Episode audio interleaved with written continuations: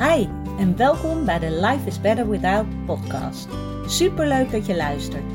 Mijn naam is Daphne en dit is de podcast voor iedereen die kampt met een eetprobleem en daar graag vanaf wilt. Als ervaringsdeskundige weet ik heel goed hoe het is om in jouw situatie te zitten, maar ik weet inmiddels ook hoeveel fijner het leven is zonder die eetstoornis. En dat gun ik jou ook. Daarom deel ik in deze podcast al mijn inzichten omtrent het herstellen van een eetprobleem. Ik laat je weten wat er bij mij wel werkte en wat niet. En ik sta open voor al je vragen. Als jij klaar bent voor een leven zonder eetstoornis, dan weet ik 100% zeker dat jij dat kan bereiken. Want als ik het kan, kan jij het ook. Goedemorgen. Althans, voor mij is het goedemorgen. Superleuk dat je weer luistert naar een nieuwe aflevering van de Life is Better Without podcast. Voelt voor mij alsof het uh, heel lang geleden is. Terwijl het valt natuurlijk wel mee. Um, maar uh, ik was uh, dit weekend even een lang weekend weg. En mijn dochter die had op dinsdag ook nog een studiedag. Dus we hadden helemaal een lekker lang weekend. En daarom is deze podcast ook één dagje later. Um, maar ik ben er weer. En we gaan weer helemaal vol uh, goede energie van start. Ik hoop dat jouw um, paasweekend oké was. Dat je niet te veel struggles hebt gehad met uh, verplichte etentjes en ontmoetingen. En dat je er nu ook weer helemaal tegenaan kan. Waar ik het uh, vandaag heel graag over wil hebben, is een vraag die ik uh, de laatste tijd al een paar keer heb gehad. Daarom dacht ik, misschien is het goed om daar eens een podcastaflevering over te maken. En het is de vraag die ik dan krijg: wat is een eetstoorniscoach? En uh, aan de ene kant denk ik van, oh ja, het is wel apart dat ik die vraag krijg. Want blijkbaar is het dus nog niet heel bekend dat er eetstoorniscoaches zijn en wat ze überhaupt doen. En dan moet ik zeggen, dat is natuurlijk ook uh, per coach verschillend. En daarom kan ik voornamelijk spreken over wat ik doe. En uh, niet zozeer over wat andere coaches doen. Want iedereen die heeft natuurlijk ja, een andere aanpak. Dus daar kan ik niet heel veel over zeggen. Maar ik denk dat er ook veel overlappingen zijn. En wat het allerbelangrijkste is natuurlijk dat jij een goed gevoel hebt bij een coach. Dat jij denkt van, nou, daar voel ik me veilig bij. Daar durf ik alles te zeggen. En wat denk ik wel een hele goede is om naar te kijken sowieso, is dat het een ervaringsdeskundige is. Dat je een coach hebt die weet wat jij doormaakt. En natuurlijk, iedereen met een eetstoornis beleeft het op een andere manier. Maar je kan, um, als je iemand hebt die zelf geen eetstoornis heeft gehad, is het heel moeilijk voor diegene om überhaupt in te voelen ja, hoe dat is. Weet je, heel veel mensen begrijpen gewoon niet dat je er problemen mee kan hebben. En natuurlijk wel misschien uh, de, in mindere mate, van mensen die misschien veel uh, diëten of dat soort dingen, maar niet het echte eetstoornis of zware eetprobleem um, gebeuren, om het zo maar te zeggen. En daarom is het heel fijn om iemand te hebben die ja, weet waar jij zit, wat je, wat je voelt voor een groot deel en wat je meemaakt.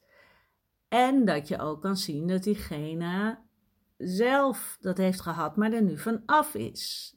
Dat, dat heeft mij heel erg geholpen zelf uh, in uh, therapieën en coachings dat ik dan een therapeut had die zelf een eetstoornis had gehad en die er vanaf is. Dan wist ik gewoon diep van binnen, zie je wel, het is mogelijk.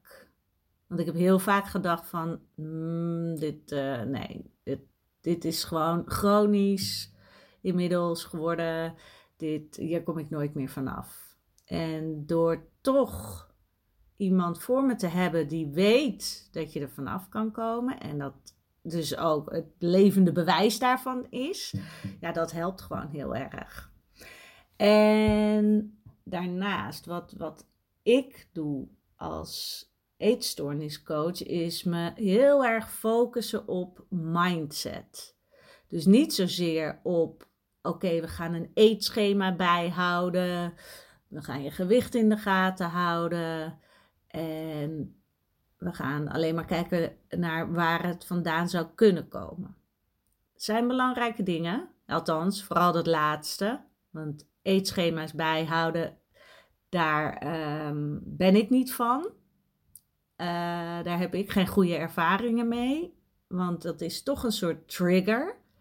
Je gaat dan weer te veel focussen op juist hetgene waar je vanaf wil. En ik heb het, ja, ik zie dat gewoon als een trigger.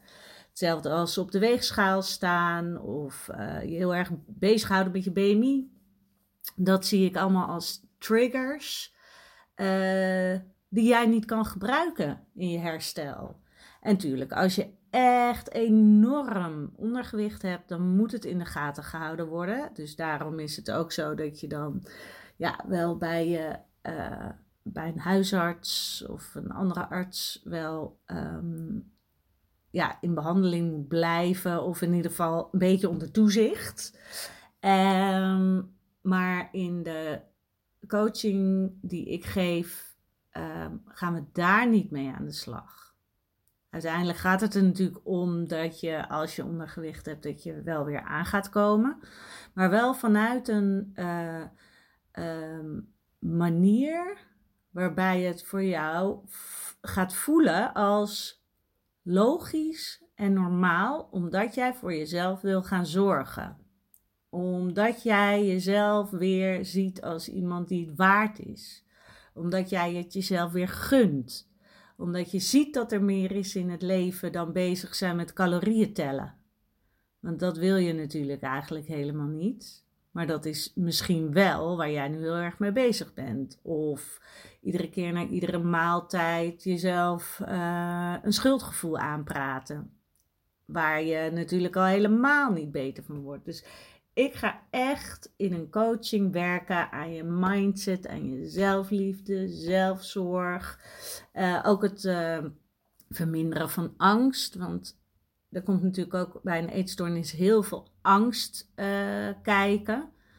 Angst om te eten of om aan te komen of om in sociale, weet het, sociale contacten te hebben met mensen. Helemaal als het gaat om eten, maar ook om ja, gewoon jezelf te laten zien. Weet je, dat is super spannend. Maar dat is wel het leven. Contact hebben met mensen. Het jezelf durven zijn en daar helemaal oké mee zijn. Want dat is, dat is echt heerlijk. Dat je gewoon kan zijn wie je bent zonder continu alleen maar bezig te zijn met wat anderen misschien doen of denken of vinden. Of, weet je, dat, want dat, dat is niet het leven. Je bent hier niet om alleen maar rekening te houden met wat andere mensen zijn. Je bent hier niet om een soort um, chameleon te zijn. Alleen maar te schikken naar, naar situaties van andere mensen of uh, zo min mogelijk op te vallen. Dat weet ik nog heel erg van mezelf. Dat ik dacht van als ik maar altijd lief en aardig ben, dan uh, val ik ook niet zo op. Dan uh, stoort niemand zich aan mij. En dan, uh, weet je, dan kan ik er een beetje zo doorheen laveren zonder dat, ja, dat, dat ik aandacht trek, als het ware.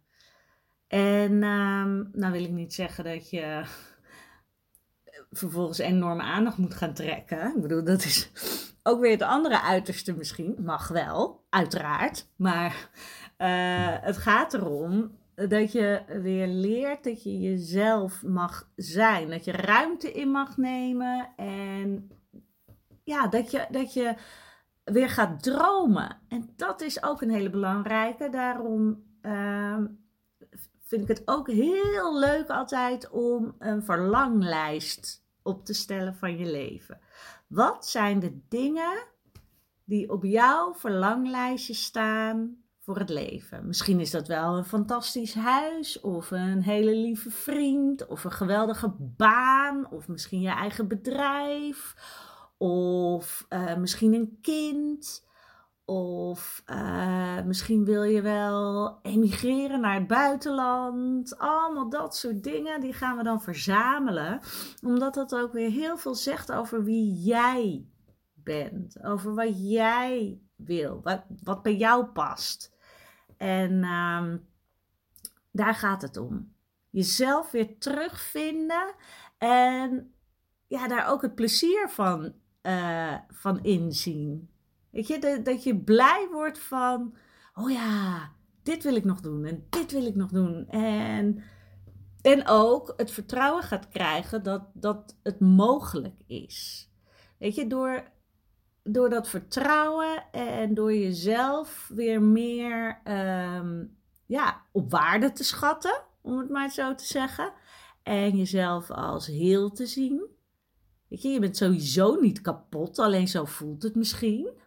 En ook ja, gewoon er te mogen zijn, ga je je focus verleggen. Ga je aandacht verleggen naar, naar, naar betere dingen dan alleen ja, die hele kleine wereld die je nu voor jezelf hebt gecreëerd. Want dat is het vaak. Als je een eetstoornis hebt, wordt je wereld steeds kleiner en kleiner en kleiner. En de uh, kleine dingen waar jij op focust worden steeds groter en groter en groter. En ja, die, die worden zo groot dat je, dat je het niet meer in perspectief kan zien. Van wat is nou belangrijk? Wat is belangrijk voor jou? Waar hou jij van? Weet je, dat, dat is waar we naar op zoek uh, gaan tijdens, uh, tijdens coaching. Dat jij weer helemaal weet van, oh, maar wie ben ik? Ja, dit ben ik en dit vind ik leuk. En hier, hier ga ik van aan. Hier krijg ik helemaal high vibes van. Zodat je vanuit daar weer verder kan zoeken van, oh ja, en welke acties kan ik dan nu ondernemen? En weet je dat je helemaal op een andere manier bezig bent met jezelf. In plaats van jezelf steeds kleiner te maken, steeds meer weg te cijferen. En dat je dus die focus kan houden op je eten, omdat dat nou eenmaal controle geeft voor je gevoel. Want uiteindelijk heb je natuurlijk helemaal geen controle. Want die eetstoornis heeft jou onder controle. Jij hebt helemaal niet de controle over je leven. En dat is wat je wil in een uh, coachsessie. En dat is dus eigenlijk gewoon ook wat je bij veel therapiesessies uh, van uh, bijvoorbeeld psychologen krijgt. Alleen in dit geval, bij mij gaat het dus inderdaad heel erg over mindset. En daar ben ik zelf natuurlijk al heel lang mee bezig. Ik heb, uh, weet ik het, hoeveel boeken gelezen. Ik heb cursussen gedaan. Ik heb dus in de mastermind gezeten. Uh, het laatste half jaar, waarbij we heel veel aan mindset hebben gedaan. En dat ik ook helemaal weet van, oké, wat voor vragen kan je jezelf stellen. Ik hou er ook heel erg van om met oefeningen te werken zodat je, eh, die je dan ook thuis bijvoorbeeld kan gaan doen. En die kunnen we dan, uh, die bespreken we dan een volgende sessie weer. Zodat je er ook zelf mee bezig blijft. Dat het niet is van, oh je komt even een uurtje bij mij. We praten. En daarna, bam, zit je weer gewoon in je eigen leventje, om het zo maar te zeggen. Het is echt van belang dat je ermee aan de slag blijft gaan. En dat is natuurlijk ook het ding. Daarom vraag ik wel aan de mensen die bij mij coaching doen. En ik weet dat dat bij veel andere coaches natuurlijk ook zo is. Vraag ik eigen verantwoordelijkheid. Je moet het voor jezelf doen en niet omdat iemand jou heeft gestuurd. Want dan, ja, dan is het heel moeilijk om er te komen waar jij. Of ja, dan wil je eigenlijk niet komen waarvan ik denk dat je kan komen. Want jij moet het zelf willen. Jij moet zelf zo klaar zijn met hoe het leven voor jou nu is. Dat je weet, oké, ik ga er echt voor. En dan nog steeds, want dan kan je denken, ja, maar dan, oh ja, dan, uh, dat is dan lekker makkelijk. Maar nee, dan is het nog niet makkelijk. Want je gaat jezelf tegenkomen. In alle uh, coachings en therapie sessies en zo die ik heb meegemaakt, ben ik mezelf altijd wel weer tegengekomen. Tot een punt dat ik dacht: oké, ik kap ermee. Ik schreef er gisteren ook een post over op Instagram. Zo van dat je daar rekening mee moet houden. Dat je op een gegeven moment altijd slechter gaat voelen tijdens een therapie of een coaching. Dat 9 van de 10 keer van de 10 mensen die, ja, die, die hebben dat. Want dat is namelijk het moment dat je ego ja, aan de bel gaat trekken. Van ho, ho, ho. Wat ben jij hier aan het doen? Dit is niet de bedoeling, zo ken ik je niet meer. Laten we weer even normaal doen. Dit gaat niet werken. Uh, je moet maar gewoon doen zoals je altijd deed, want dat is veel veiliger. En op dat moment, zodra je dat voelt van dat gevoel van ik wil stoppen met die coaching, het wordt helemaal niks, dit gaat nooit lukken, dat is echt het moment wat je, ja, wat je aan moet grijpen als oké, dit is hem, nu moet ik doorzetten. Want als je dat doet, oh man, dan ga je, dan, dan, dan ga je er doorheen en dan ga je naar next level. En dan vanuit daar kan je weer verder. Maar je moet daar doorheen. Je moet tegen je ego durven zeggen: Oké, dankjewel dat je dit zegt. Dat je me probeert zogenaamd veilig te houden. Maar ik ga even verder. En ook al weet je niet hoe. Ook al denk je alleen maar: Ik heb helemaal niet eens meer zin om ergens over te praten of aan te denken. En ik ben moe en ik kan niet meer en ik weet het niet meer. En praat daar dan over. Zeg gewoon dan eerlijk tegen degene bij wie jij coaching of therapie hebt: Ik weet het niet meer. Ik zie het niet meer zitten. Eigenlijk wil ik stoppen, maar ik weet dat ik dat niet moet doen. Maar ik weet ook niet hoe, hoe ik nu verder moet. Weet je, uh, praat erover, want dat, dat geeft lucht. Want dat is natuurlijk ook vaak met mensen die een eetstoornis hebben. Althans, uh, als ik over mezelf, naar mezelf kijk, dan weet ik dat ik dat heel erg had. Dat ik vooral uh, met niemand erover had.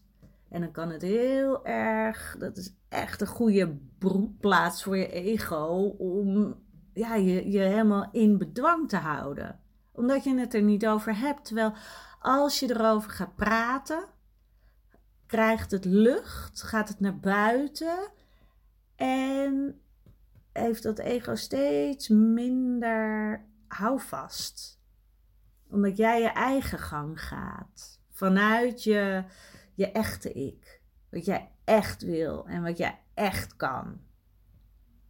En niet vanuit wat is zogenaamd veilig. Uh, want weet je, als je die schijnveiligheid wil, dan moet je inderdaad gewoon op je kamer blijven zitten en uh, nooit meer naar buiten gaan en geen sociale contacten hebben en gewoon wachten tot het leven weer voorbij is. Hoe zonde is dat? Weet je, je hebt maar één leven in, in met, met dit fysiek wat je nu hebt. Waarom zou je er niet alles van maken wat er van te maken valt. Weet je? Je hebt in principe niks te verliezen. Zo voelt het misschien. Maar dat is er niet. Ik bedoel, bedenk eens goed bij jezelf. Wat heb je te verliezen als jij jezelf meer gaat laten zien? Het is vooral angst die jou leidt. En dat is waar je doorheen moet. En dat is dus ook het moment als jij voelt van, ah, ik weet het niet meer, ik wil, ik wil geen therapie meer, ik uh, zie het niet meer zitten, dit gaat nooit lukken. En uh, wat een irritante vragen stelt mijn coach. En uh, dat is ook vaak dat je echt denkt, ik wil hier helemaal niet over hebben. Dat zijn echte momenten dat je denkt van, oké, nou, nou ga ik doorzetten. En dat is iedere keer dat ik dat heb gedaan, ben ik verder gekomen. Dan kwam ik naar dat volgende level en kon ik vanuit daar als dat weer beter voelt, als dat mijn nieuwe normaal, zeg maar, werd, weer verder naar weer een ander level. En dat is wat je doet. Dus je moet niet zien van ik ga in therapie of ik zoek een coach en die lost het allemaal voor mij op. Nee, je, je moet het echt zelf doen. Maar ik ben als coach, ik sta zeg maar naast jou. Ik ga met jou mee, ik kan de juiste vragen stellen, ik luister naar je. We gaan samen zoeken naar wie je bent. Ik ben je klankbord en je cheerleader. Want niet onbelangrijk, weet je, je moet aangemoedigd worden om dit vol te houden. En ik weet zeker dat je dat kan. En dat is het mooie, weet je wel. Je moet iemand naast je hebben die er ook helemaal voor wil gaan. En oh man, als ik terugdenk, dan ben ik gewoon zo blij dat ik niet meer ben waar ik toen was. Ik voel me zoveel vrijer en zoveel meer mezelf. Ik ben veel meer wie ik ben. En daar ben ik oké mee. En tuurlijk heb ik mijn twijfels soms. En dan denk ik, oh, doe ik het allemaal wel goed? En kan ik dit wel? En oh, tuurlijk. Dat zal misschien altijd wel blijven. Misschien is dat goed, want daardoor blijf je groeien. Want daardoor wil je verder. Maar, oh man, het is zo'n verschil met wat het was. Ik had never nooit hier zo tegen mijn telefoon zitten praten om een podcast te maken. Dit is, ja, nou, dit is bizar. En dat gun ik jou ook allemaal. Ik bedoel niet dat je een podcast moet gaan maken, maar wel dat je gewoon er durft te zijn. Dat je jezelf durft te laten horen. En ja, dus ik laat je dan ook niet in de steek, weet je wel. We gaan ervoor. En ik ben ook degene die dan uh, een schop onder je kont geeft als ik denk van nu loop je te dralen, nu uh, ben je excuses aan het verzinnen, nu durf je niet verder, weet je wel? Liefdevolle schoppen, maar wel een beetje schoppen onder je kont. Want dat kan ook nodig zijn. Omdat je natuurlijk, ja, zelfsabotage, dat is uh, super makkelijk. En nou ja, dus dat is een beetje wat, wat ik doe als coach. En ik denk dat meerdere uh, op die manier uh, wel werken. En inderdaad, bij mij ga je dus niet. Uh, ik hou niet van de weegschaal. Dus daar doen we niet aan. En we doen ook niet aan eetschema's. Want ik denk serieus dat het een trigger is. Kijk, als het echt bij jou past en je hebt er wat aan, dan is het oké om het bij te houden. Maar daarom kijk ik per persoon wat voor iemand wel of niet werkt. Want de een die eet misschien gewoon, maar die heeft echt eetbuien. Ja, dan kan ik wel zeggen, hou je eten bij. Maar als jij normaal eet, maar wel die eetbuien hebt, dan moeten we gaan kijken waar komt dat vandaan. Weet je, wat, wat ging daaraan vooraf? Daar gaat het om. Natuurlijk moeten we dan kijken van, um, eet je voldoende om die urge uh, voor te zijn? Maar dat zijn weer andere dingen. Dus we hebben het erover, maar het wordt niet het, hoofd, het hoofdding. De hoofd ja, de hoofdzaak zeg maar bij mij gaat echt om jou te leren anders te gaan denken, anders te voelen of überhaupt te voelen. Weet je, dat, dat is bij mij in ieder geval echt het allerbelangrijkste. En daarnaast is het natuurlijk ook zo, omdat ik in de privésector val, dat het niet vergoed wordt. En dat is bij meerdere coaches zo. Kijk, als je naar een uh, traject gaat. Ehm, wat vergoed wordt, dan kom je op de wachtlijst en dan uh, zijn er inderdaad vaak uh, lange wachttijden. En dan kom je in die molen terecht en dan ga je in therapie. Dat is bij mij niet zo. Dus het is een investering, maar het is inderdaad een investering in jezelf. En ik denk ook dat daarom het ook heel goed is dat, dat je het echt doet vanuit ik wil dit zo graag, kan me echt niet schelen hoeveel het kost.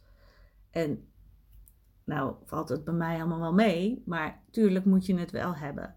En ik weet ook dat toen ik begon met in mezelf te investeren, dat ik dingen al vrij snel heel duur vond. Of dat ik in de slachtofferrol ging van. En uh, ik kan er toch niks aan doen dat ik dit heb. En dan moet ik er ook nog voor betalen. En uh, nou, dat soort, uh, dat soort praktijken. En dat begrijp ik. Maar ja. Weet je, als je in jezelf gaat investeren, dat is het mooiste wat je kan doen. En wat ik heb gemerkt is als ik dingen echt nodig had. Um, heb ik het bijvoorbeeld geleend bij iemand en later terugbetaald. Uh, ik heb bij mijn ouders wel eens uh, geld geleend om uiteindelijk uh, bijvoorbeeld die, dat beleeftraject te doen van Human Concern. Human Concern wordt dan voor een groot gedeelte wel vergoed, maar een gedeelte ook niet als je bijvoorbeeld dat traject in Portugal doet. Dus dat was ook eventjes een hap uh, uit mijn uh, budget. Maar ik wist, dit is zo belangrijk, hier moet ik voor gaan. Het moet niet dan zijn dat ik denk van oké, die investering doe ik niet, want ik kan er toch niks aan doen dat ik dit heb. En uh, dus uh, nee hoor, daar begin ik niet aan. Ik blijf wel gewoon wachten tot er iets komt wat, wat gewoon gratis is. En zodat ik dan waarschijnlijk kan zien dat het dan niet werkt. Weet je, dus laat dat niet iets zijn wat je tegenhoudt.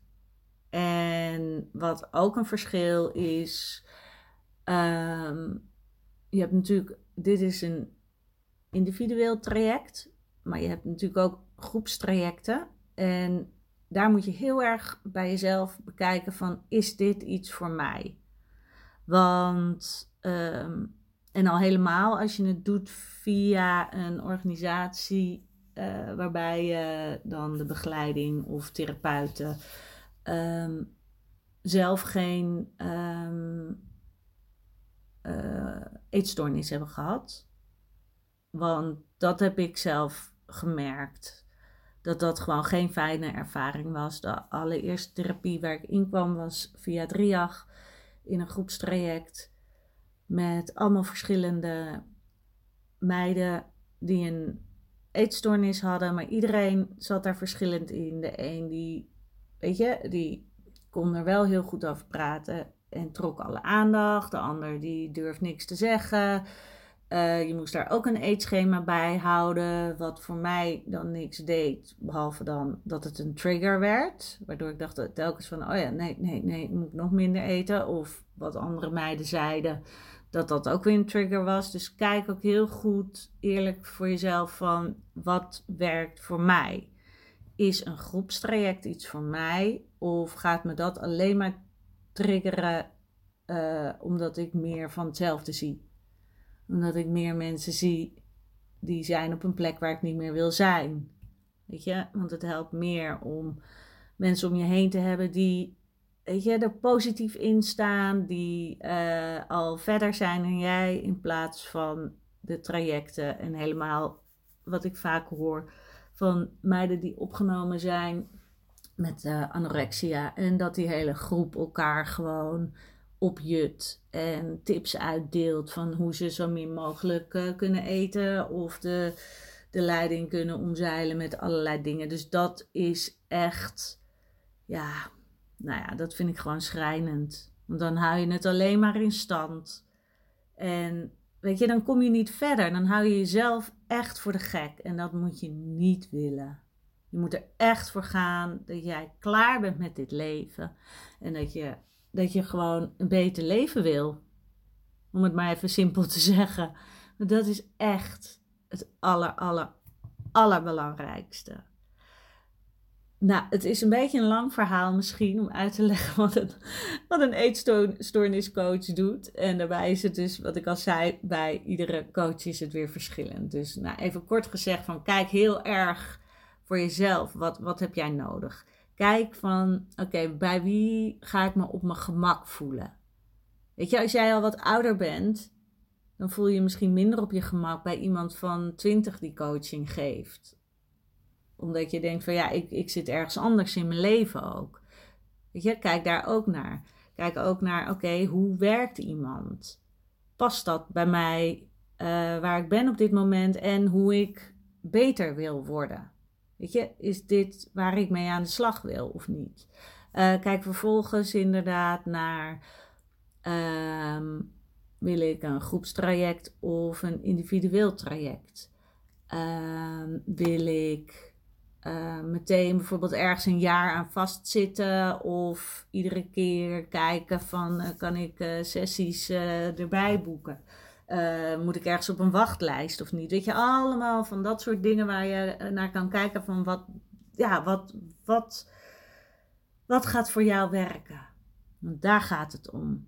Wat gaat voor jou werken? Wat is voor jou de beste manier? Waar voel jij je fijn bij en vertrouwd bij? En waar durf jij jezelf te gaan zijn? Oké, nou, ik hoop heel erg dat je, hier een, ja, dat je hier wat aan had. Dat je een beter idee krijgt van wat, wat een eetstoorniscoach voor jou kan betekenen.